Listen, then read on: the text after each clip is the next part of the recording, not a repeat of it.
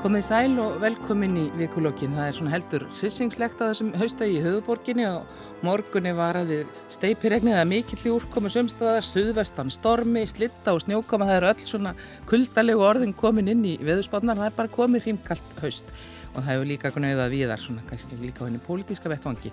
Hingað eru komin Anna Sigrun Baldursdóttir, aðstofamaður fórstjóra landsbítalans, Konráð S. Guðjónsson, aðstofað framkvæmtastjóri viðskiptaráðs Íslands og Kristínes Hjálmtísdóttir, framkvæmtastjóri Rauðakrossins og við ætlum að spjalla svona um það sem helst hefur borðið að góma í fréttum vikunar og þetta hefur verið eiginlega svona frekar þung vika í fréttum. Það er mikið fjallað í uppáðunarumáli Egypskar fjölskyldu sem átti að vísa á landi um miðjavíkuna og fannst svo ekki þegar til kom hlutafjárútbóð í Æslandir og menn svona velta fyrir sér peningamálunum og svo er það sótvarninnar. Við hefum hérna rétt áðan í fréttunum talað um það að væri bústuð eða það hefði greinist tölvert mikið fleiri hérna COVID-smitt í gær heldur en hefur verið og krám og skemmtistöðum var lokaðum helgina og Þetta er svona einhvern veginn, ekki, ég veit ekki hvort það maður að segja, sko, önnur bylgjan er risin eða hvort það verulega hátt eða hvort það er komið svo þriðja. Ef við kannski bara byrjum á sótverðnunum og COVID sem er nú svona það sem hefur kannski verið í fyrsta frétt næstu því alltaf bara síðan einhvern tíman í vor.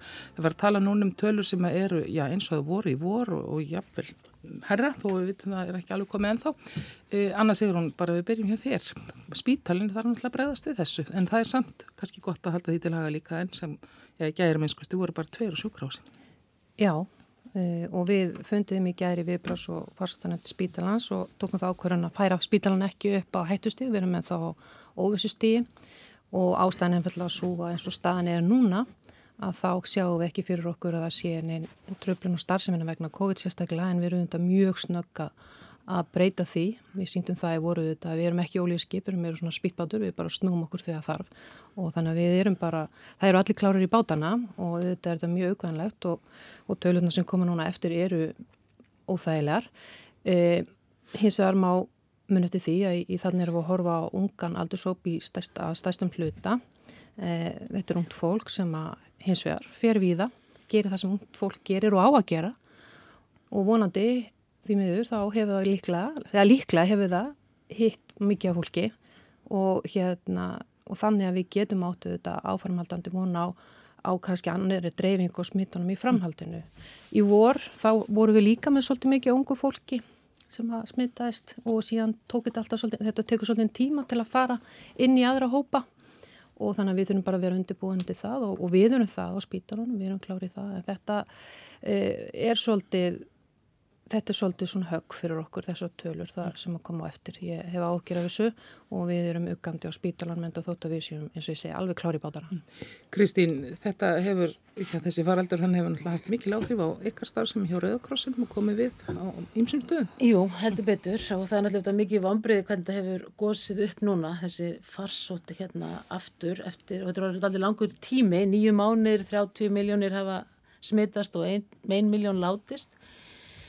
og það má ég lega segja líka að það er líka alveg deinu ljósara að COVID mun rýra hlut þessara sem minna hafa haft í heiminum mm. ef við hugsaum aðeins út fyrir landsteinun mm. og ég fæ að sitja bröðakrossgleruðun hérna að, sem ég gerir auðvitað alla daga en um, það er það sem er auðvitað líka áhugjefni að hvað þetta dregst á langi því að við, þetta kallar á mikið úthald að halda út sótvarnir pakki vörn, fara heim og, og vinna heima og, og, og þeir sem eiga ekki heimili, hvort sem eru heimilislausir á Íslandi, þeir eiga ekki heima til þess að fara heimi, það er nú verið bröðust nokkuð vel við því, bæði hjá hérna í höfuborginni og hjá stjórnvöldum.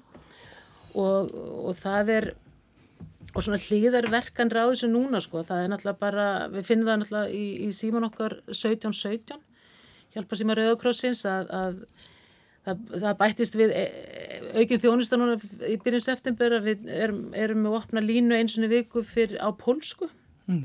og þá getum við sendt 20.000 landsmennum okkar sem hafa pólska móðumáli sem er algjörlega frábort og fengur strax mjög, mjög hress viðbörð við því og, og hérna og svo kannski eins og við segjum einmannleikin og, og, og, allt það að, að, hérna, að við núna þurfum að taka aftur upp tólið og ringja í vini og ættingja og nágrana að eins og við gerðum svo mikið í mars og april að einangrun, að rjúfa einangrun það er, við erum með símavinni, við erum alls konar vini og vinaprógram hjá Rauðakrossnum sem hafa sínt sig að er að virka og fólk sækir í. Aldrei sem fyrr en við, eins og ég segi, við segjum við erum öll almannavarnir en við erum öll líka vinir. Þannig að við verðum eiginlega að, að, að, að það munar öllu og það er bara alla kannanir sem að sínt það að okkur leiðullum betur í mars og april mm. ungum sem öllum frá 8 til, frá 8 til 80 Konráð, þessar ja, bóðuðu tölur og tölur undarfarna mm. daga um, um mik mikla fjölgun smitt, í greiningu smittara, það er, er sláandi. Já, þetta er einmitt orðið sem ég ætlaði að nota. Þetta mm. er bara, maður er svolítið slegin yfir þessu. Ég sé að búa byrta þessu tölu núna, þetta er eitthvað yfir 70 smitt og það er svakalegt. Maður svona hafði tilfinningun að þetta væri að vaksa og með að við tölum síðustu daga en þetta er á komið á skala sem maður kannski var ekki alveg búin að sjá fyrir og ég held að þau eru bara flestir að fyrst og fremst að líti eigin barm og, og hérna hugsa hvað þeir geta gert betur í svona sinni haugðun að passa sig. Við þekkjum þetta öll, ekki fara veikur í vinnuna og svo framvegis. Eh, en svona út frá mínum bæjartinu séð sko frá hlið viðskiptalífinu og verandi hagfræðingur og horfa efnagslífi þá hefur maður líka áhyggjur á hvað þetta ástand aftur herðaslaka, herðaslaka mun hafa á efnagslífið og líf landsmanna almennt. Mm. Þetta aukna aðtunleysu framvegs og það sjá þetta gerast með svona svakalum hraði núna fara maður til að hafa ennþá meira áhyggjur heldur en kannski maður Já, hefur haft, eða kannski er það bara óþólum að ég veit ekki. Nei, nei, við, við veitum náttúrulega aflíka þessari stóru mynd en samt festum við okkur kannski oft frekar við svona það, það smerra mm. í þessu, bara eins og núna lokun hérna gráa og skemmtistaði mm. í borginni, ég meina það að fór fólk hérna frá okkur nýri bæ í gær og það var bara svona eins og fyrst einum langa náttúrulega vegna þess að það var mm. eiginlega allt lokað. Já, einmitt, einmitt. Og, og þetta auðvitað kemur við marga þó að við séum kannski ekki öll alveg miður okkar yfir því að bara séu lokaðir sko. Já, en þetta er, þetta er erfitt sko. Þetta er mjög erfitt og ég svona líka verða að játa, ég hef ekki alltaf hef verið og ég veit að fleiri er að mjög svona svolítið ringlaður á því hvað, hver er í raun og veru strategían hjá okkur. Hún hefur svolítið verið að breytast, fyrst var það fleitt út kurvuna Svo ætlum við að reyna að halda þessu nokkuð veiru fríu, uh, reyna að opna ferðamenn, það gekk ekki upp. Núna einhvern veginn skildum að þannig við ætlum að reyna að halda við landinu veiru léttu en að výlínan væri við landamærin. Samt að létt á takmörkunni hérna þegar að það voru enþá að greina smit utan sótkvér fyrir ja, tveimur vikur síðan. Uh, ég svona í þessu samingi áttamæður ekki alveg á þessu og ég held að þú veist ef þetta er komið til að vera svona þetta ástand og við munum þurfa að vera að herða og slaka á eitthvað næstunni ég að vísu vona að þetta finna einhverja leið þannig að þessi mestu stöðulegi í þessu því að það er mikið virði í því að hafa stöðugar svona hæfilega uh, þving, svona hamlandi aðgerir held ég, ég held að þurfa að skoða kosti þess. Og svona því að þetta er greinilega ekkert að, að fara með á brott á næstinu og við vitum ekki hvernig bólefni kemur og svo framvegs þannig að ég held að þurfum við svona aðeins að skerpa á því hvað eru við raun og verið að reyna að ná fram með þessum aðgerðum Já, svona skerpa á langtíma síninni kannski. Já, Já einmitt. Ég tök ofti því að, að hérna, Danir eru með svona, það virðist vera að þeir taka ákvarðanar á 50. þá kemur ný strategi ef, e, ef það er vænst ykkur að breytinga, þá eru tilkynnt á 50. Mm. Það er svona áhugavert sko. En aðeins smitin og fjölda núna bara rétt svona til ítrykka af náttúrulega gríðalegu fjöldi hérna sína tekin og það skila sig hérna í fjölda E, fjöldasmittara, eðlilega, en reyndar var nú verið að rifja upp fyrir mér í gær þegar ég var nú að huga sjálf með þessu að, að vissulega var það svo þannig núna í vor eða núna í sumar þegar við fengum smitt upp á Akarnesi að það var líka tekinn stór panel og, og það hérna, skilaði sér ekki í svona mörgum Já. greiningum og það finnst mér skiptaða miklu máli. En þetta er, þetta er óþægilegt og ég var að rifja upp þegar ég lappaði hérna inn í húsið áðan að ég var hérna síðast annan februar, þá var ég hérna í, í, í Silfrunu og þá var ég að, og þá tókst mér að koma því að fimsunum í þeim þætti að maður ætti að þó sér vel um hendurna og nærra í olbábókina og ég spóði að reyna aftur núna. Já. Þetta eru sömu leiðinar þó vissulega við séum farin að á spítalunum farin að horfa á grímur. Þannig að það skiptir máli fyrir okkur að, að sjá til þess að okkur fólk lendi ekki í sótkví og það hefur verið svona svo staka aðgerð sem við höfum breykt núna frá því við sumar, það er að grímuskild á spítalunum í klíniskur þjónustu og þar hérna höfum við náði vegna þess að, að sko færri fara í sótkví ef að ykkur er útsettur fyrir smiti. Þetta skiptir máli sko. En ég tek undir með þér að, þér að það er það er svona, maður svona maður villu þetta finna einhverja strategi og ég er alveg samfæðum það er strategía, ég efast ekki eina sekundum það, þetta hefur verið gengið mjög vel svona í sjálfu sér en ég áttam á því að núna eru við farin að sjá svona stærri mynd heldur en að horfir á okkur hérna sem erum í heilbríðsjónistinu og það þarf að horfa víðar en á, á þá, maður skilir það mjög vel og, og, og hérna mér fannst þið mitt áhugavert að því ég las bókina Spjósíka Hrapssona núna í vikunni og hafi mjög gaman að að þó maður hafi verið þannig sjálfur svolítið svona nærri auga stórsins og hef stundum í honum að þegar maður fer yfir þá bók þá sé maður bara hinn viðtæka hinn viðtæk áhrif sem leiti, maður leiti ekki hugan að mm. vegna þess að maður var bara í sínu. Mm. þannig að ég hérna hvert eindreið til svona breið, breið, breið samtals, ég skilða mjög vel. En mér langi, já, þetta er, þetta er rétt en ég kannski upplýði þetta aðeins öðruvísi, ég náttúrulega er hérna stuðniskona almannavarna út í eitt og, og ég áttum á því að þetta er auðvitað, við þekkjum öll eitthvað sem tengist ferðarþjónustunni og efnarslífi, við, við verðum að hafa tekjur og verðum að hafa fyrirtæki sem að starfa og, og, og hérna og það er auðvitað, sko, ég, mér finnst línan að vera náttúrulega frekar skýr. Um, við erum með uh, veiru sem við þekkjum ekki, viðbröðin hafa einhvern veginn breyst auðvitað alltaf reglulega. Um, mér finnst línan vera frekar skýr að huga heilsu landsmanna. Þetta er erfitt fyrir fyrirtæki við veitum okkar 30 manns voru atvinnulegsir og, og fyrirtæki fara á hausinn og, og það er ríkisjóði blæðir út í raunni eða er að nota uppsafnað og hérna e, og mér finnst samt sko að því að við, við sjáum bara núna ef þetta er fransk, frönsk veira með frönsk fingur fyrir saði kári eða einhver að hérna einhverju örfáð ferðmenn ná inn að smita svona mikið og það hafa svona mikil áhrif. Og svo vitum við ekki um afleggingar sjúkdómsins heldur. Þannig að mér eiginlega bara svona varlega að hafa verið farið og ég skinni alltaf einhverja línu í þessu. En auðvitað eru, er þetta svo, mar svo margir ángar í þessu að það hérna og kalla svolítið á, á frumkvæði að breyta Uh, hérna, þið sjá hvernig æslandir kargo er, er farið að kipp inn í að nota kargoið og nota verðarnir breyta þeim í kargovilar uh, sem finnst alveg magna hvernig, hvernig margi geta breytt en, en þetta er auðvitað erfitt en, en hérna en svo ennlega auðvitað lítil ferðavilji en, en eins og langar mér bara fyrst við erum að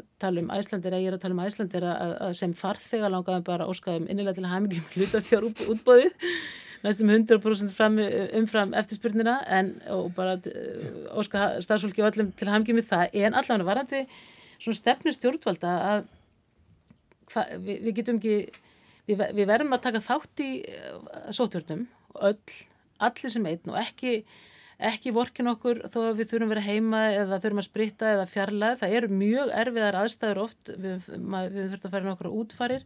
Það getur ekki hvart og vera við dánabeð, það er það er erfiðast líklegast en, en, en annað má býða hvort það eru fermingar eða brúðkaup, þannig að það er svona, svona luxusvandamáli kannski. En þetta er náttúrulega, þetta voru mikið hverst um að sigiljanlega um ferðarþjónstuna því þar var þetta náttúrulega bara ein, í einu vetfangi, bara, bara algjör kúvending og Svo í sömar voru, var landin svona gladur en margir töluðum kannski það væri svona svika lokn en svo núna með haustregningunum þá er þetta svona svolítið skella ámunum.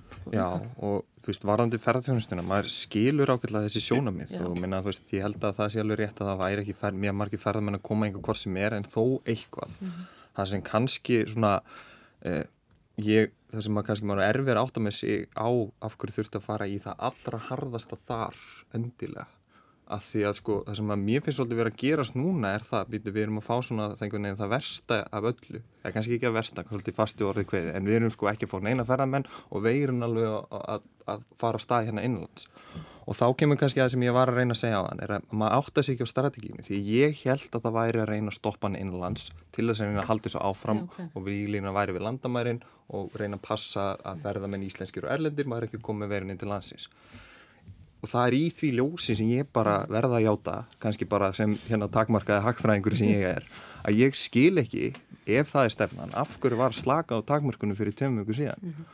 og það kannski, kannski var ekki bara fylgjast nóg mikið með, með, en ég held að það kannski síni fyrst og fremst að það þurfi eitthvað að skerpa á þessu og mm. líka þegar maður tala um þurfi breyðari rattir, ég held að sé bara komin að, komin að þann stað að það er ekki hægt að setja einhvern veginn allt á blessa þrý ekki okkar. Ég held að stjórnveld þurfi sjálf að koma kannski oftar og kannski meira og skýra fram með hver er þeirra sín, hver er þeirra forgansvæðin því þetta er ofbóðslega flókið og mörg sjónamið sem tóðast á. Þetta er alls konar hérna, afleggingar sem þetta hefur og líf okkar allra. Og ég held að við þurfum bara meira því. En þetta er náttúrulega líka samt svona kannski svolítið kvikt ástand. Þar sem við leggjum eins og annars þegar hún nefndi grímurnar, upphafið var að tala um það það er kannski ekki að þetta gefur manni falstöður ekki kannski mm. voru mann heldur ekki alveg með þá hreinu hvort að þetta var til þess að verja mann sjálfan eða verja aðra og, og annað slíkt sko. Og svo þegar maður já, hér en, en kannski, kannski bara, þú veist, mann er náttúrulega með aðstæður.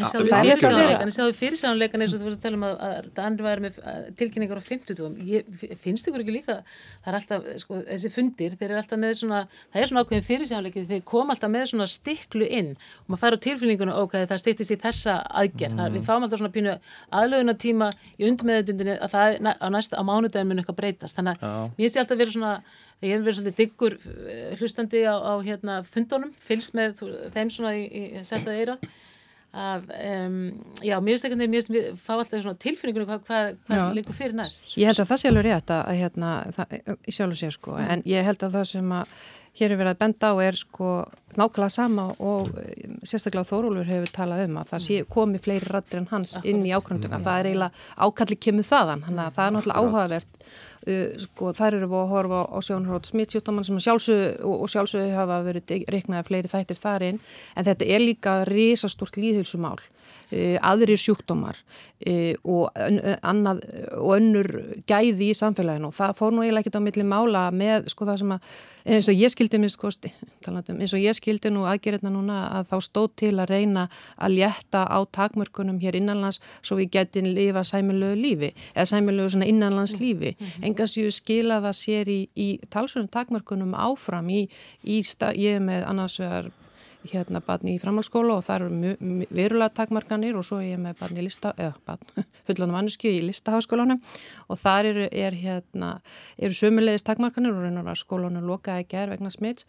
Þannig að þetta er mjög eins og þú segir, kvikt og það þarf að breyðast hratt við og ég held nú reyndar að, að það sé nú einmitt ykkur í viðskiptalífinu tamt að gera það en enga síður svona langtíma strategi að það er alveg komin tíma á að hugsa hana og mm. það verður ekki lagt á, á hérna á eitthvað teimi sótvarna, alls það alls ekki. og það, það er eiginlega það sem maður að segja, æfla þó að maður sé og ég að sjálfsög mikil mikil almannavarna sinni ef maður segja það, ætti mann ekki til að nota ég er almannavarna sinni og hef, hef hérna gríðarlega svona hags, skil þá hagsmunni mjög á svona dýbri level henn kannski einhverja aðra hagsmunni sem ég gera fyrir þú til dæmis hafi meiri skilning á en þetta ja. er bara flóknar mynd en hverfist einungis um þá mynd sem ég sé og mér fannst það eitthvað að vera svo augljóst þegar maður fyrir að sjá sko, uh, þú veist maður sér sko það, það fjölgar á byðlustum, það, það er áhrif á gehilsu landsmanna og þess vegna var nefnilega svo gaman að það skildi verið að reyna að, að létta okkur lífið og ég reyndar, ég verði að fá að koma, að, ég ætla, ætla að fá að þakka hérna Symfóni hljómsveit Íslands fyrir alveg stórkostlega hvernig þau hafa mætt þessu. Ég er nú korthafi og allt það og sakna þess að mæta en mjög gummið góðu hvað þetta er gott safe ef maður sletta sko og svo, en svo til að kórun allt saman Já, já. Þá, hérna, þá mætir Helgi Björns í kvöld, hvað segir það? Það er allt saman út af því. Já, en það er líka, hérna, þú veist maður, eins og maður segir, sko, við erum að kalla þetta stefnustjórnalda og, og í þessu, allir þessu óvissum með veirun og við vitum ekki neitt og við erum allar einn einhvern veginn að standa okkur og pakki vörn og reyns okkur og, og hvaða það nú er. En svo, að, þú veist, ég hef ekki vilja verið þeirra, þeirra spórum, ég feila ég bara með, hérna, stýri rauðkrossinu en ekki, ekki líðveldinu en, hérna, en það er bara allir líka ég endur skoða allar áallinir því að það er rauðkrossin líka, við erum að endur skoða verkefnum við erum að velta við steinum það er mhm. tekjufall, við erum að fókusera á skjólstæðinga. Við erum að reyna að nýta peningana betur við erum að reyna að nýta mannskapi betur. Sjálfbóðleginir eru um all landa viljur og, og, og tilbúinir en þetta er, þú veist, það er allir endur skoða allar áallinir mm. og, og auðvitað stjórnvöld fyrir líðveldi þannig að er það auðvitað þannig kannski líka núna eins og ég sagði hérna upp að við sittum hér á svona svolítið hrissingslegum haustegi og það er kannski svolítið líka þyrma yfir fólk að, hvað framöndan er. Mm. E, í upphafi e, vetur þetta kom þá auðvitað gerði fólk sér vonir um að þetta myndi bara með hérna sól og vori þá myndi þetta bara gufa upp mm. hversu raunsætt eða óraunsætt sem það var. Mm. Núna er mann að keira inn í veturinn með þetta sko þessa tölur og það er bara mörgum fjúl. Já og það, það ég, maður skildi að maður ætti að geta knúsast í júli mm. þú veist, menn en það þú veist, og þá kannski komið aftur á því sem er náttúrulega kannski hérna aðal ástæðan fyrir því er kannski erfitt að gera þetta, en því er ekki, hægt, ekki hægt að reyna að hafa aðeins skýrari mm -hmm. stefnu og svona mm -hmm. sem er sjálfbar til lengri tíma kannski sjálfbarinn að vera einhvern veginn alltaf í þessu endalösa limbói að það er náttúrulega því að við vissum ekki hvað varum að fara út í Nei, en núna vitum við alltaf meira og meira og þeim meira og meiri fórsendum fyrir því að við getum einhvern veginn -hmm. nálgast þetta út frá svona meira til lengri tíma og meira kannski sem er bara sjálfbært fyrir svona sálatetri í okkur í staðan fyrir að vera svona endalust að flakka. En svo erum við náttúrulega svo heppin að við erum svona viðbrastþjóð átagsþjóð, þannig að við mhm. erum aldrei góðið að, að breyðast við, það er þið sjáu, ef við fylgjum í löndunum í kringum eitthvað þá er hérna vinið minni þjóðverðar þeir fram út á gutt og mótmæla sóðkví og öllu, við erum ekki, ekki komið þanga því við erum bara svolítið svona átagsfólka við höfum verið tilbúin í að breyðast við standa Aha. saman, hugsa um nágrannan ringja, verið í sambandi og þetta ekki væntu hvert annað, en nú er þetta aldrei spurning um úttaldi, þetta er ekki breytt eldgós, þetta er nefnilega held ég alveg fram á næsta ár. Maður hefur þungar ágjur aðtunlífinu og, og, og tekjum heimila, þungar ágjur þetta hefur svo mikil markveldis áhrif yfir á börn og félagslega áhrif og allt það mm. en ég held að við hérna við, nú þurfum við svolítið að, að, að skiptum gýri í genánum okkur og, fara að tala um úttald meirinn áttak mm.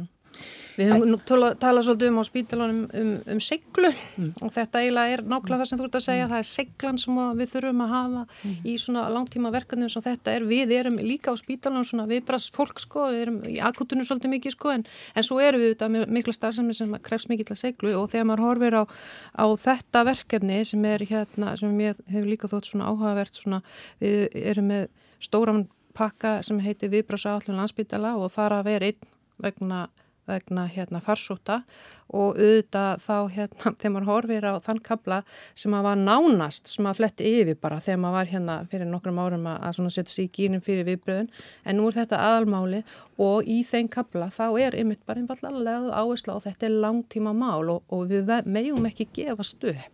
En á sama tíma þurfum við að horfa svolítið vítt vegna þess að það þurfa allir að koma stað það er bara þannig. Mm. Ég hef áhugjur af, af atvinnuleysinu, ég man mjög vel áhrif atvinnuleysins hérna í hrununu og maður sér og ég ger á fyrir að þið séu sömu stöðu, maður sér jafnvel fjölskyldur þar sem að báðir, bæði, bæði, báðir, báðir aðalar sem að eru að hafa vennilega séð fyrir heimilinu eru án atvinnu. Mm. Uh, hvort sem það er í ferðarþjónustunni eða mögulega afleitum hérna störfum. Svo náttúrulega mjög mikið kannski, ég veit það ekki, margir sem þekkja kannski bara svona eins og ungt fólk í kringum hann hefur farið Já. inn í ferðarþjónustunni, það mikil, var mikil búin að vera svona stöðu vöxtur undan farin ár og, mm. og svona fólk sem hefur að koma út í atvinnulífið hefur leitað þangað mm. mjög mikið, þannig að það hefur verið bara mm. næga að vinna að hafa og, -hmm. og allt að gerast. Þetta er langtíma, þetta er svo mikið langtíma mál, áhrif hérna vel úr, úr hérna hruninu og sumulegis hafa margir orðið til þess að horfa til reynslu finna sem að týndu einni kynslu í sínu hrunni sem var þarna einu á nóttina bara 90 eitthvað sko. mm. þannig að þetta eru bara, þetta eru gríðalega stór mál þess vegna er þetta svona líðhelsu þetta eru félagslega, það þarf bara svona, aðeins, svona stórt svið sko fyrir mm. þessu umröðu En við, við hérna, tölum hér um áhrifinn og, og þau hafa náttúrulega orðið mikil hjá flugfélagum um, um allan heim og Æslandi er ekki farið var hlut af því. Uh, þetta hlutafjárátbóð sem var í gær eða það var kynntar niðurstöðunar í gær svona, eða einhverju marki og en þó eftir að sjá allir meira, þetta er nú verið mjög mikið í gangi, það var mjög skusti næg eftirspurð eftir bregunum konar. Já, ég held að það hljóti að teljast þeir sem að stóða þessi útbóði flugfélagi og aðri hljóti að vera bara mjög ánæði með niðurstöðuna. Uh, það voru þarna fengust bóð upp á einhverja 37 miljardar það sem þurfti til að myndi klárast voru 14 þannig að það þarf ekki vera mjög mikla starfræðkunum til að sjá að það bara er gekk bara bísna vel og svona í allri þessari óvissu sem við erum núna þá er held ég að það besta við þessa frettir á Æslandir er það að þarna er einum stórum óvissu þátti aflett allavega. Mm. Núna við erum við allavega með flugfélag sem við þekkjum sem er, er með fullt af fólki og flugvilum tilbúið að fara á stað og það er með góða svona skil til að fara í gegnum þetta einhverja mánuð og missir í viðbót. En það, það er samt einhver síður tala náttúrulega fórstjóðin um óvissu framundan og þeir hafa verið að fella niður mjög mikið, mm -hmm. það er mhm. nánast bara feldu, feldu niður mjög margar ferður í gæri jáfnvel eftir þetta allt saman sko Já. og það er svona ótilandi ángar að þessu líka komið yfirlýsingar í, í vikunni frá hérna um svona samsátt eh, hérna flugfélagsins við verkalýsreifinguna og sem tengdi menn svona tólkuðu það eins og það var þarna verið að gefa lífeyri sjónu færi inn. Þetta er, mm. er flókið samspil. Þetta er búin gaman að fylgjast með þessi. Þannig að þetta er svona eins og þú segir, konar, þetta er fyrsti áfangin sko, svo er náttúrulega öll óvissan með COVID og þróunin og ferðaviljan og allt það. En ég er nú bara svona að segja því við erum svona skemmtilega með lögða spjall þetta að ég bara, þegar ég er dáist að hann og boga Nils, það er eins og þegar það kemur fram í fjölmjölum að þannig að hann sé nýkomin á sundið að golfi alveg pollrólegur og útskýri vel fyrir okkur hvað er næstu skrif og hvað hann er að gera og hvað félagið er að gera ég held að ef að meðan hann að býða eftir að, að flugið fara á fullt að, að hann ætti ná skellin okkur svona stjórnundanáskið mm. Hann talaði reyndar um það að menn væri þyrtu núna eiginlega svona þreyja þennan vetur. Já, þreyja þorran og þreyja, já, já, ég held að, ég held að það sé alveg líkillin hann en mm. eins og ég segið, maður þekki mikið af fólki sem tengis flugbransanum, hvað sem það eru flugmenn eða flugstjórar eða, eða flugþjónar eða hvað það er og, og hérna og skinnir alveg hérna sorgina sem það er hreinlega, þegar það sem maður finnur hjá Æslandi er, er alveg, það er ótrúlega svona, eh, það er ótrúlega hotlusta já, við hérna félagi, saman ánast hvað gengur á, þannig að þetta hefur nú verið svona hérna, en ég finn nú samt að segja, jú, jú, mér veist hann koma ágætlega fram hann, hann bói en það nú, þeir hafa nú svolítið svona dóttið aðeins á, á, á bananahýðinu öðru koru í þessu ferlu meðal annars í, í, í hvernig fór með samskiptin við flugfræður eða flug, já, félag flugfræða og mér fannst það ekki ekki þeim til soma og en hins að skipti máli að það virðast að vera náð ykkur skona niðurstæði þá og það er bara líku máli en það var eiginlega einmitt það sem að hérna þegar ég var að velta fyrir mig hvort maður ætti að vera með hinnum í og, og setja ykkur svo litin pening í þetta félag bara til svona eins og það var einskipafélagi eða eitthvað og bara það væri óskaparni eða eitthvað. Að þá svona var það sem að, svona, sem að trublaði mig mest, það voru þau samskipta og mér finnst bara skipta máli að það sé dreyið fram og það sé gert upp og það virðist að það hefur gert og þess að ætlaði ég nú að vera með þessu en verður eins og ég var að viðkynna fyrir ykkur hérna og svo bara kom COVID og ég glemt að gera það. Þannig ég bara glemti þetta er þetta er svona kannski eins og þú veist eins og ég er ekki farið inn í, inn í pólitíkin og smáðurinn eða smáðurinn eða stórumálum með samskipti við, í, í, hérna, við verklegisfélagin og, og, og ég meina það er svona, ég er ekki í því fæi akkurat núna þó ég mentu hagfrækur þá er ég ekki að vinna við það að hafa skoðun að hvernig, hvernig það gengur allt saman. En ég finnst, ég var bara það sem ég var að meina í rauninni hvaðan, hérna þegar hann kemur fram í fjölmjölu hvaðan Póll Rólur, því að ég menna flestir uh, myndi ekki sofa. Þetta er búið að mm. taka á annað ár. Kluk, Klukkan er að verða hálf tól, þau siti hérna hjá mér. Anna Sigrun Baldurstóttir, Konráða Skvíjansson og Kristínes Hjálptístóttir og við erum að tala um að Íslandi er og hérna þetta hluta fjárútbóð og svona en þessi menn veldu mikið fyrir sér aðkomi lífverðsjóðana í svona aðdraðanda þessa þeirra voru stóri og eru stóri eigandur í þeim og þá, það er alltaf svona svolítið flókið málum það hversu mm. áhættu sækni þeir eru að vera því þeir þurfa að passa þetta og þeir þurfa að passa hitt en eins og er alltaf gerð krafa á þá líka sem er stóru fjármakseigandur að þeir drífi áfram Ísland takkjörfi. Já og ég held að það sé raun og veru bara Veist, það er náttúrulega bara eðlilegt að það hefði verið skipta skoðanir. Einfallega út af óvissinni maður skilur það að það hefði gett allir menn í stjórnunum að hafa verið hérna svona misspendi fyrir því. Og svo náttúrulega er það bara misjamt stefna sjóðanir missjöfn og svo framvegist þannig að það er held ég sjálfið sér bara mjög eðlilegt. Það sem er kannski annað sem að fæ bæta við varandi þetta útbóð sem að mér finnst mjög ánægilegt það er hvaða eru rosalega breyður hópur þannig baki ég held ég sé ekki að fara með ránt en það var held ég eitthvað með helmingur voru bara almenni fjárfestar, mm. bara fólk út í bæ. Og það eru núna 11.000 hlutafar svona eftir síðustu ár þá hefur verið svolítið hérna, alltaf fækka svona almennum hlutafum í kaupöldinni eh, við erum bara með, látum bara lífeyrisjóðana um þetta því þeir taka svo mikið og þeir eru svo stórir að það er svona minni kvati fyrir einstaklinga mér finnst það mjög ánægildi, ég held að það sé svona óhætt að fullir að það síni bara fólk vill stiðja félagið en held ég umfram allt fólk vilji leggja sýta mörgum til þess að okkar að jafnaði stærsta atvinnugrein geti farið fljótt aftur upp á lappinnar þegar að þetta er allt saman búið. En, en það kristallast líka samt í þessum samskiptum og í þessum yfirlýsingum sem ég var að vísa til og annars er hún að vísa til hvað, þetta er sko samskipti á vinnumarkaðanum, þau eru viðkvæm á þessum tímum. Já, já, skiljanlega, en þetta er náttúrulega, þú veist, maður, ég held að það sé ekki búið að nota orðið núna á hálf tíma, en ég ætla að segja fórnamölu svo aðstæður, afsakið. Það er ekki ykkur velun fyrir það að verki komið þess að.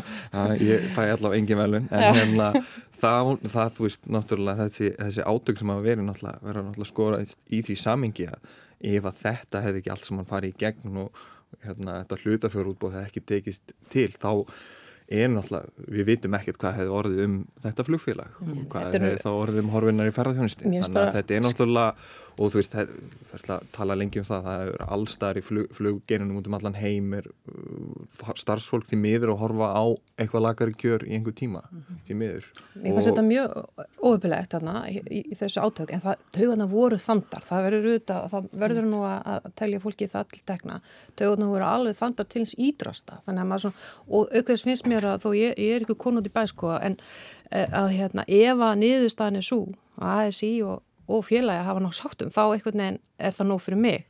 Og ég vona að það gildi þá líka um, um þá sem að ASI er þarna að er fulltrúi fyrir og það, ég tristi því bara. Það var greinlegt samt að það voru ekki allir í aðeins í samála. Ekki allir í ASI, en miskuðasti... Formar eflingar Já, sem hefur nú verið en- hérna mjög... Hérna, En það var ekki formaður flugfröðufélagsins Nei, nei. og það var líka Það er bara komið niðurstöð og er ekki bara þannig að það verða bara una við þá niðurstöð og þetta er bara góða fréttir að þau náðu að tala saman og klára þetta því að frábært. Svo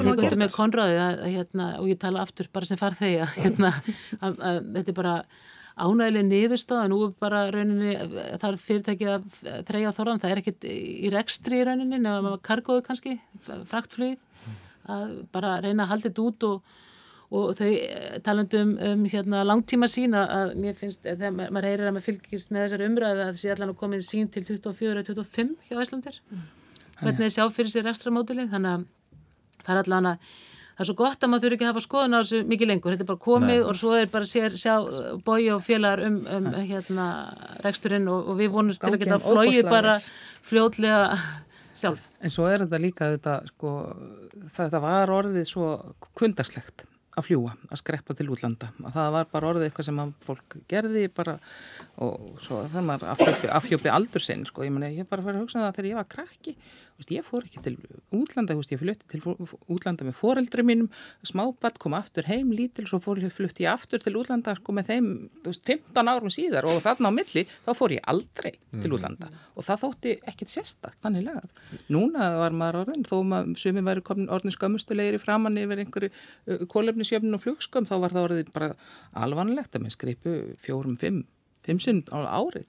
En það sem hefur breyslinga núna að hérna fram að núna þessum, núna þessum dögum þar sem að smitin er að aukast að eh, maður fann fyrir því eins og í sumar og svona að það, hérna, það var svo auðvitað skipleikja allt. Ég er nú fyrir eitthvað svona verkefnastjóri í mörgum hópum að hérna, það er svo auðvitað skipleikja fjölskyldi hýtinga og alls konar, alls konar viðburði það eru allir heima.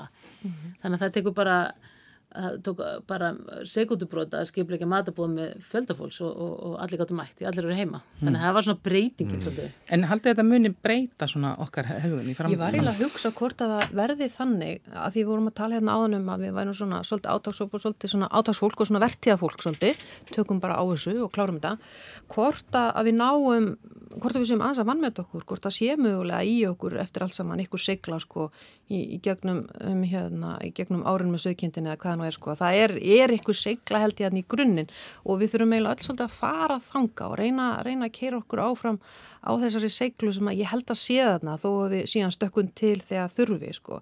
Þetta er, og ef við komum aftur á veirunni, að því að hún er mikið ólíknind og tól og maður einhvern veginn missur ekki af henni, að ég, já, ég ætlaði að segja minna á handþótt og, og nærjálp og bútina, bara ætla að náði í fimmsunum sko, en hérna, en, en að, að það, það er bara verður áhugavert svona fræðilega að velta fyrir sér eftir ykkur ár þegar hérna, þetta er að ykkur margjum gargengi bólefni komin svona að aðferðir eru ólíkar. Aðferðir landa eru ólíkar. Nú sjáum við til dæmis e, talandum þar auðsegu svíjar fór í gegnum mjög þungan þungtvor þar hins vegar eru er smitt ekki að aukast eins og núna hjá okkur og eiginlega öllum og þar er verið að fara að aflétta í svona mjög hægum skrefum aftur. Þannig að ég held sko... Erum við þá tilbúin að segja var það betri leið? Nei, ég held að enginn sé tilbúin með til að segja að það sé betri leið eða hver er besta leiðin en ég held að við þurfum líka þraut sig til að átta okkur á því að það mun taka tíma að átta sig á því hvað er besta leiðin í þessu og að sé svona einhver svona heildarsýn og, og við náum einhver breyðu samtali og sviði í þetta, í, í hvernig við höldum áfram núna, það er núna þingi að koma saman, að, komi, að, að vera að koma að því, að Svo- þessi breyða samtali komi. Svo ef maður hugsar áfram sko mun þetta breyta því hvernig við ferðumst og svo leiðis ég held það allavega til skemmri tíma. En svo svona skoðum maður eins í söguna og svona mannlegt eðli og við vitum það að fólk er, við bara mannfólkið, við erum því margir brenda, við höfum rosalega sterka tilneingu til að horfa mjög vel á það sem er að gerast núna, það sem búið, búið að vera að gerast og einhvern veginn varpa því áfram að það muni vera svona inn í framtíðinni.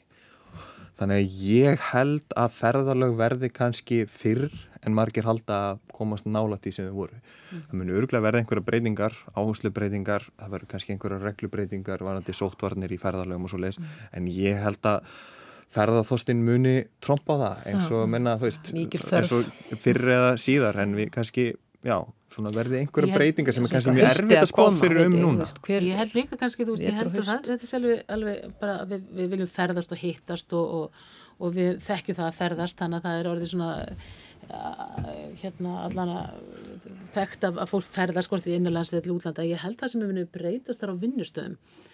Ég finn það hjá Rauðakrossunum að er, við, við hólfarskiptum okkur og erum mjög stífa því við verðum að, að, að vera rekstrarhæfi í gegnum þetta COVID-tímabil að, að það, það er að myndast svona, já, það komur svona myndast nýjt tækifæri, það er fólk er, er heima, það vil vera heima, mætir vinna eða vil frekar eða þarf vegna aðstana mm.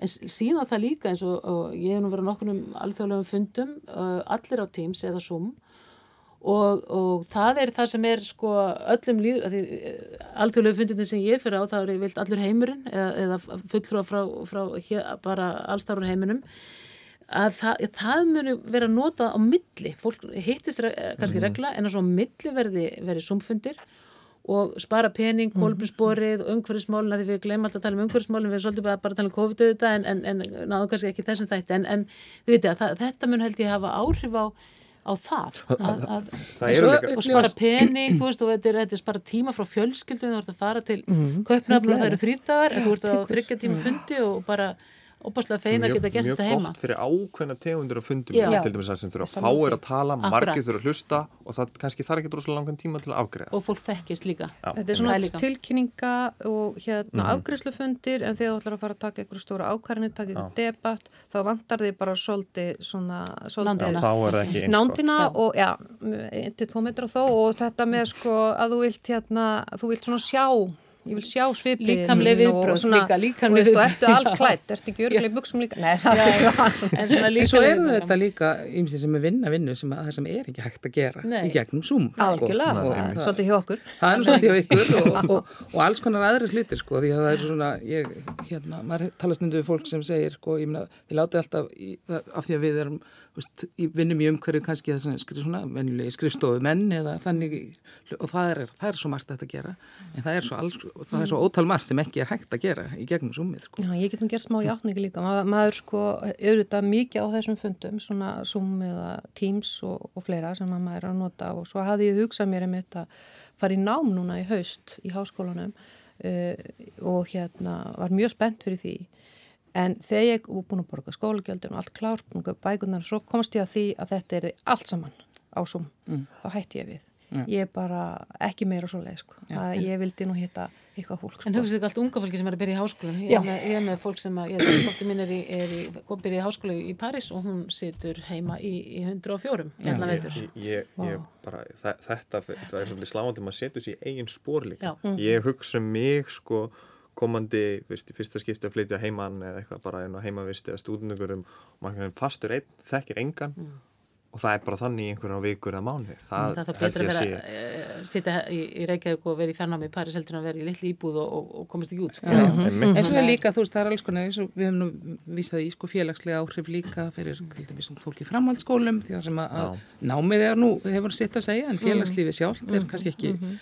ekki minna og, og það eru nú krakkar núna kannski sem að hálfu vetturinn fóru núna í vettur og svo er Þá þetta sem var auðvitað verið að reyna að mæta að, að hérna, brottfall og, og svona, ég, ég veit reyndar ekki síðan inn á tölunum brottfall en, en maður getur séð fyrir sér að það hafi áhuga marga sem, að, sem að virkilega þurfa þessari, þessu félagslega þætti að halda Ég held að skólan er af stað sem ég vil. Ég meit Já, nýjan sama fram, fram, framhaldsskólan í MS og, og, og maður finnur hvað allir er að reyna að gera sitt besta Mm. og hvað, og hvað kennarar bæði grunnskólum og, og líka háskólum og, og tala ekki um framhaldsskólum út af brottfallinu. Mm. Þið heldu óbúslega vel utan á nefnendur sem voru uh, svona kannski á línunni að dett út. Já, okay. Og maður heyrði góðar sögur því og maður var svo ánægilt að heyra það því að við fáum allir inn í síman alls konar, alls konar áhyggjur, 17-17, en mér fannst það að því að einhvern veginn að ég veit ekki, kannski er ég of jákvæð ég er bara svo ánæð með alla mér finnst hérna, þú veist þetta, allir eru Það er miklu standa betra, sér sko. svo vel, þú veist, einhvern veginn í þessu ástandi og unga fólki eins og segir, sko, félagslífið er sko svo stór partur af, af framhaldsskóla og maður sá sig, sko, sér sér ekki anda í þessu, þessi, hvað, hvað þessi krakka geta er ég, maður, þú veist Ég tek stoltur af undir þessu. þetta, Já, það, hvernig svona- hérna framhalskólanir og, og framhalskóla nefndarnir hafa, hafa staðið sig. Ég, ég er með dóttur í MH og mér finnst algjörlega til fyrirmyndar hvernig þar hefur verið, allt verið nálgast og, og upplýsingagjötu mm. fóreldra og stuðningu við nefndur um mm. eld, þarna, sálfræði þjónusta og svo framvegð. Mm. Þetta skiptir allt svo miklu máli en það er enga síður, er þessi hópur sem ég er rætt um að, að, fari. Það er bara þannig. En ef við stökkum aðeins til, þá var nú stórt mál í upphæðu vikunar, það voru, var mikið talað um innflytjandamál og það hafði áhrifin á einn pólitíska vettvang, uh, þingmaður VFG saði svo flokknum og sáttur við hvernig tekið var á málum ergiskra fjölskyldu sem hefur verið hérna lengi og hafði verið sinjað um alþjóðlega vernd og sótt að vísa fólkinu um landi á miðugdægin eða flytjað á landi öll heldur. Fannst það ekki konráð þessar fréttir? Hefur þú hort á þær og alla komist undan því? Ég, það, nei, minn maður er nefnilega ekki komist undan því. Uh, þetta er verið út um allt og skiljanlega þetta er alveg ótrúlega sorglegt mál og svona já, svolítið erfitt að átta sig á því náttúrulega. Uh, og ég held að veist, það sem ég vona allir séu sammála um að það þurfi einhvern veginn að breyta þessu þannig að það sé einhvern veginn ekki þannig að það komi upp á tvekja þryggja mánuða fresti hér mál sem hertekur fjölmiðla út af einni fjölskyldi minna. Það eru einhverju hundruður sem er að sækja um vend hérna, einhverjur, ég veit ekki hvað margir, Kristín kannski þekki betur, hvað sem fá sinjun og það er alltaf svona ein og ein fjölskylda sem er svona pikkuð út og þetta er náttúrulega engin sko, leið til þess að reka þetta til lengdar. Þannig að sko, það þarf held ég að vera miklu meiri svona pólitískari sátt um þetta. En svona efnislega hvað var að þennan málaflokk þá allavega er ég þeirra skoðunar að við náttúrulega Við erum svo heppin að búa hér á Íslandi og búum við svo ótrúlega góð lífskeið að við stundum gleymum því að mér finnst svona persónulega sjálfsagt að við veitum fólki til, tækifæri til þess að koma og búa hér. Það þýðir kannski ekki það að við getum bara, þú veist, getum komið hérna 20.000 á hverju ári, sko. Það er kannski ekki fara að gerast. Það var að gera einhverja takmarkanir kannski, en svona almennt séð og ég held sömu leiðis að það sé það sem að við getum sjálf uh, bara bætt okkar samfélag, okkar líf með því. Bara við hjá viðskiptar og við höfum talað fyrir því að við þurfum að fjölga hérna erlendum sérfræðingum. Uh, erlendi sérfræðinga þurfu ekki að vera einhverju sem hafa verið að starfa sem forritar hjá Google, mm. þeir getur verið alls konar. Þeir getur verið á ólíkum sviðum. Við erum svo ótrúlega fá og ég held að sé svona almennt sé rosalega mikilvægt að við séum þá að einhvern veginn að reyna að fylla í eigðunar en um leið veita fólki sem vil búa hérna tækifæri til að skapa sér gott líf Anna segir hún, það vil nú kannski stundum hræra svolítið saman í þessari umræðu samt, veist, það er fólk sem vil koma, sem fólk sem vil koma að vinna, fólk sem á rétt á alþjóðleiri vernd eða pólitísku hæli, e, þetta svona, og svo, þegar, svo þeirra byrtast bara myndir á börnum sem verður að vísa í burtu eftir að hafa verið í tvö ár, þá einhvern veginn, þá verður bara eitthvað svona tilfinningalegt viðbrað sem er sterkast. Já, auðvitað verður tilfinningarlega viðbræði sterkast og það er bara gott viðbræð því það sýnir að vera mennsk og við okkur er ekki sama og það, auðvitað maður hefur alveg skilning á því að það þurfa að vera eitthvað form á, á hlutunum til þess að hægt sé að stýra þessum einhverjum hætti og, og ég er ekki sérfræðingu þar, aldils ekki en ég er auðvitað bara borgar hérna og, og móðir og skil bara mjög vel örvendingu fóraldrana sem að núna er ykkur staðar með börninni sín og flóta undan okkur. Hvað er það? Veist, ég, ég kemst veginn ekki frá því að við höfum komið þessu kerfi þannig fyrir að það er staðan að það eru fjögur börn og flóta frá okkur. Og það er algjörlega þingri en tárundtaki alveg sama hvernig við stillum málun upp. Einhvern veginn hefur komið málun í þennan farveg og þar er það. Og ég er svo, ég er svo döpur yfir því. Og mér finnst líka, ég skil að við það er erfitt að draga fram máli eða, eða ykkur máli eru dregin fram eða mér er ekki alveg sama hvernig það gerist. Það, það, við, það er ekkert sem að ef við sjáum það ekki þá er það ekki til. Þannig að ef við ætlum ekki að draga fram einstök mál, þá sjáum við ekki vandamáli eða hvað. Þannig að ég, ég geri ekki aðtóðsandi við það að það séu, það séu, að mál séu komist í fjölmjöla, þó ekki öll mál komist í fjölmjöla. Það vekur aðtikli á málun og málafloknum og mikilvægi þess að koman betur fyrir og öll mál eru einstök og sjálfsögðu eru þið það. Þetta eru einstaklingar, þannig að mál þeirra eru einstök mm. og ég er bara svo döpur yfir þessu máli og öllum þeim sem undan gengu. Kristín. Já, uh, þetta var gott innlegg hjá okkur báðanefla.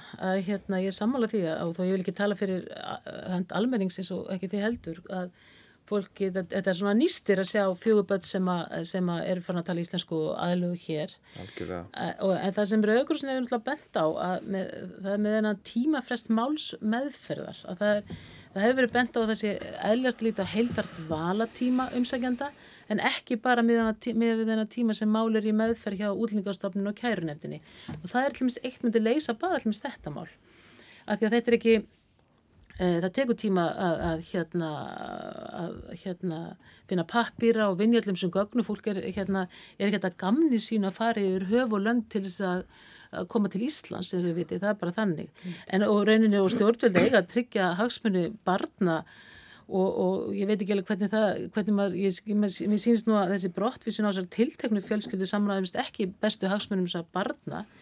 En við, eins og þú konur nefnir að, að við viljum fá eh, erlend vinnafl og, og, og, og fólk til landsins.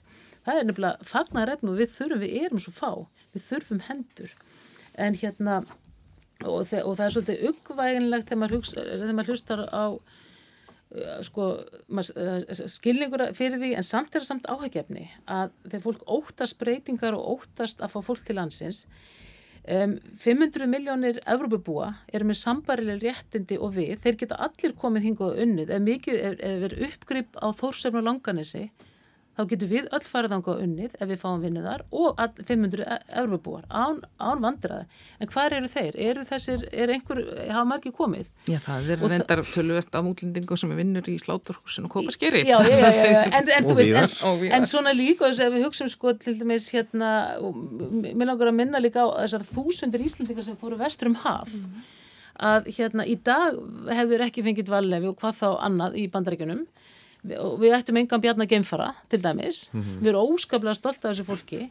En hérna við, þú veist, við þurfum að hérna Fólk komið sér til Ástralju Já, við þurfum að, ég veit að hugsa það líka en, en, en svo líka kannski eitt punktur í þessu að, að hérna, að, ef maður sittur á þessi framtíðakliru hvað hvað mun vera sagt um hennar tíma 2020 fyrir utan COVID og verkvöld og, og allt þetta að bara eh, eftir 10, 20, 30 ár hérna, hvað var eiginlega í gangi? Veist, hvað, af hverju var svona erfitt fyrir fólk, bara velnögt fólk að flytja sem vilja staða? Veist, hva, ég held að það veri umræðan eftir 40 ár, þannig við skulum svona aðeins hérna, vanda okkur í dag. Það er nú reyndar, eru, voru nú að tala um það í vikunni, af því að sögumir hafa að tala um, um Evrópu sem sko virki Evrópu Já. sem hefur viljað halda og halda fjærri fólki og diblinarreglugerðin oft nefndi í því samengi og fórsetið framkvæmstjónuna saði frá því í vikunni að það ætti að fara endur skoða það, það er að það er ekki endilega alltaf sé hægt að senda fólk aftur þangað sem það kom fyrst inn. Og þetta, akkurat þetta, það hefur verið mjög spennandi að fylgjast með því hvernig döblin, hvort, hvað, hvað, hvað er reglugerð og hvað verið gert inn, inn, inn, þegar döblin verið tekið úr, úr, úr, úr virkni að hérna, það sem hefur verið ítrykka benda á og er svo vond að það sapnast alltaf saman fólki á sömu stöðun og Greikland, Ítali, Ungarland og hvar það er og býr við hörmulegar aðstæður að, að, að það þarf að dreifa betur, það þarf að hérna að, að það fólk festist svo á einum stað og það, það sem er svo vond og við auðvitað vonumst til að það verði niðurstöða Európa-sambansins og við náttúrulega aðlöfum okkar reglur líka íslningar að Þetta verði ekki svona þessi að fólk festist og aftur myndir í fjölmjölum og hörmungar, móra, móra flótumannabúðina kveiknið í þeim og, og fólk lifir við hrikalar hörmungar. Það er líka sátt að sjá. Þetta er alveg allt svo, fer svo nýstandi inn, inn á alla og þetta þurfum við að hérna, það er, það er ekki tekið til til núna með, með döflunregluna getu ríkisins að taka mútið fólkinni og þó það hafi rétt á einhverjum réttundum í, í Gríklandi þá er bara Gríklandi ekki fært um að veita en hann En, en viðbröð, viðbröð sko, stjórnvalda núna Já. hafa verið kannski svolítið að segja við getum ekki, þú veist, dómsmálar á þeirra segir, við getum ekki ferðið að neka til reglugerðum út af einstakamálum mm.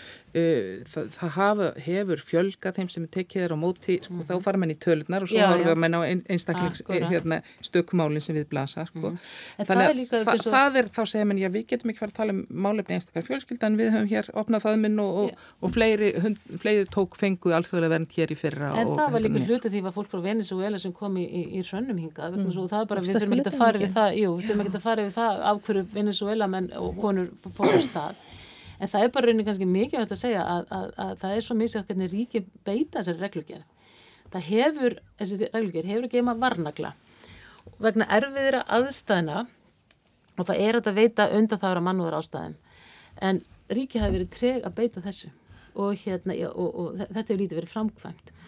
Og, og það til þess að þetta virki þá þarf líka að vera samstafa mm. og þannig að núna maður byrjur mjög spenntur að sjá hvað gerist núna eftir döflunreglugjörna mm -hmm. mm -hmm. En er e, finnst ykkur, heldur þetta verði mál sem að flýtur eitthvað við nefndum, nefndum hérna áðan að það stýtti að þingi komið saman heldur þetta hafði nú áhrif, viss áhrif í politíkinu það myndist á, það finnst maður á FG sem sagði sig frá hafði nú svo sem ekki stutt stjórnina í upphafi og svona verið kannski vilja halda í sína, sína skoðanir og samfæringu?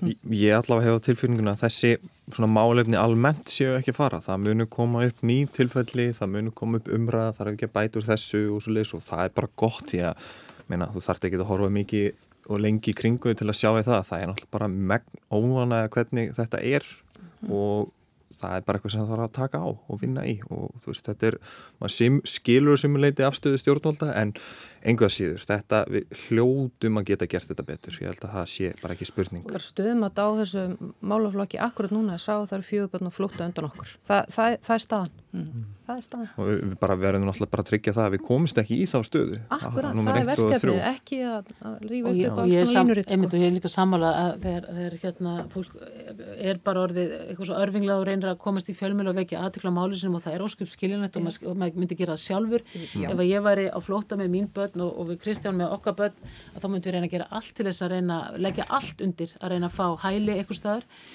Og hérna og, og þú veist og, og sjálfsbarkarvilliðni er það nú kallað sérlega en svo já, er það gaggrind ég, ég átti já, þetta er bara þetta er, þetta er tvær hliðar ás en ég held að, að við í, saman getum gert miklu betra kerfi og ég held að við, við þurfum bara að styðja stjórnvöld í því og, það, mm. og við gerum því á Rauðakrossunum og við erum með góðu alltaf góðu sambandi og samtali við ráðuneyti, útlingastofnun og, og kærunetun. En, en það hefur náttúrulega, það hefur verið að sko undarhörnum ánum, þá hefur verið lögmikil áherslu á það að reyna að steytta málsmeðferða tíman og hérna og líka kannski það sem hefur kallað þú veist, þetta verður alltaf einhvern veginn formlegt þeir sem eiga ég rétt á að fá efnislega umfjöldunni mm -hmm. að þeir sem er snúið við að það sé gert strax og svona, það, það hefur eitthvað. Rauðkross, Já, Rauðkrossin hefur með, með að við sjáum eins og fyrir bara tíu árum þá mm. var, var hérna málsmeðferðin mörg ár og engi fekk uh, leiði til að vera hérna.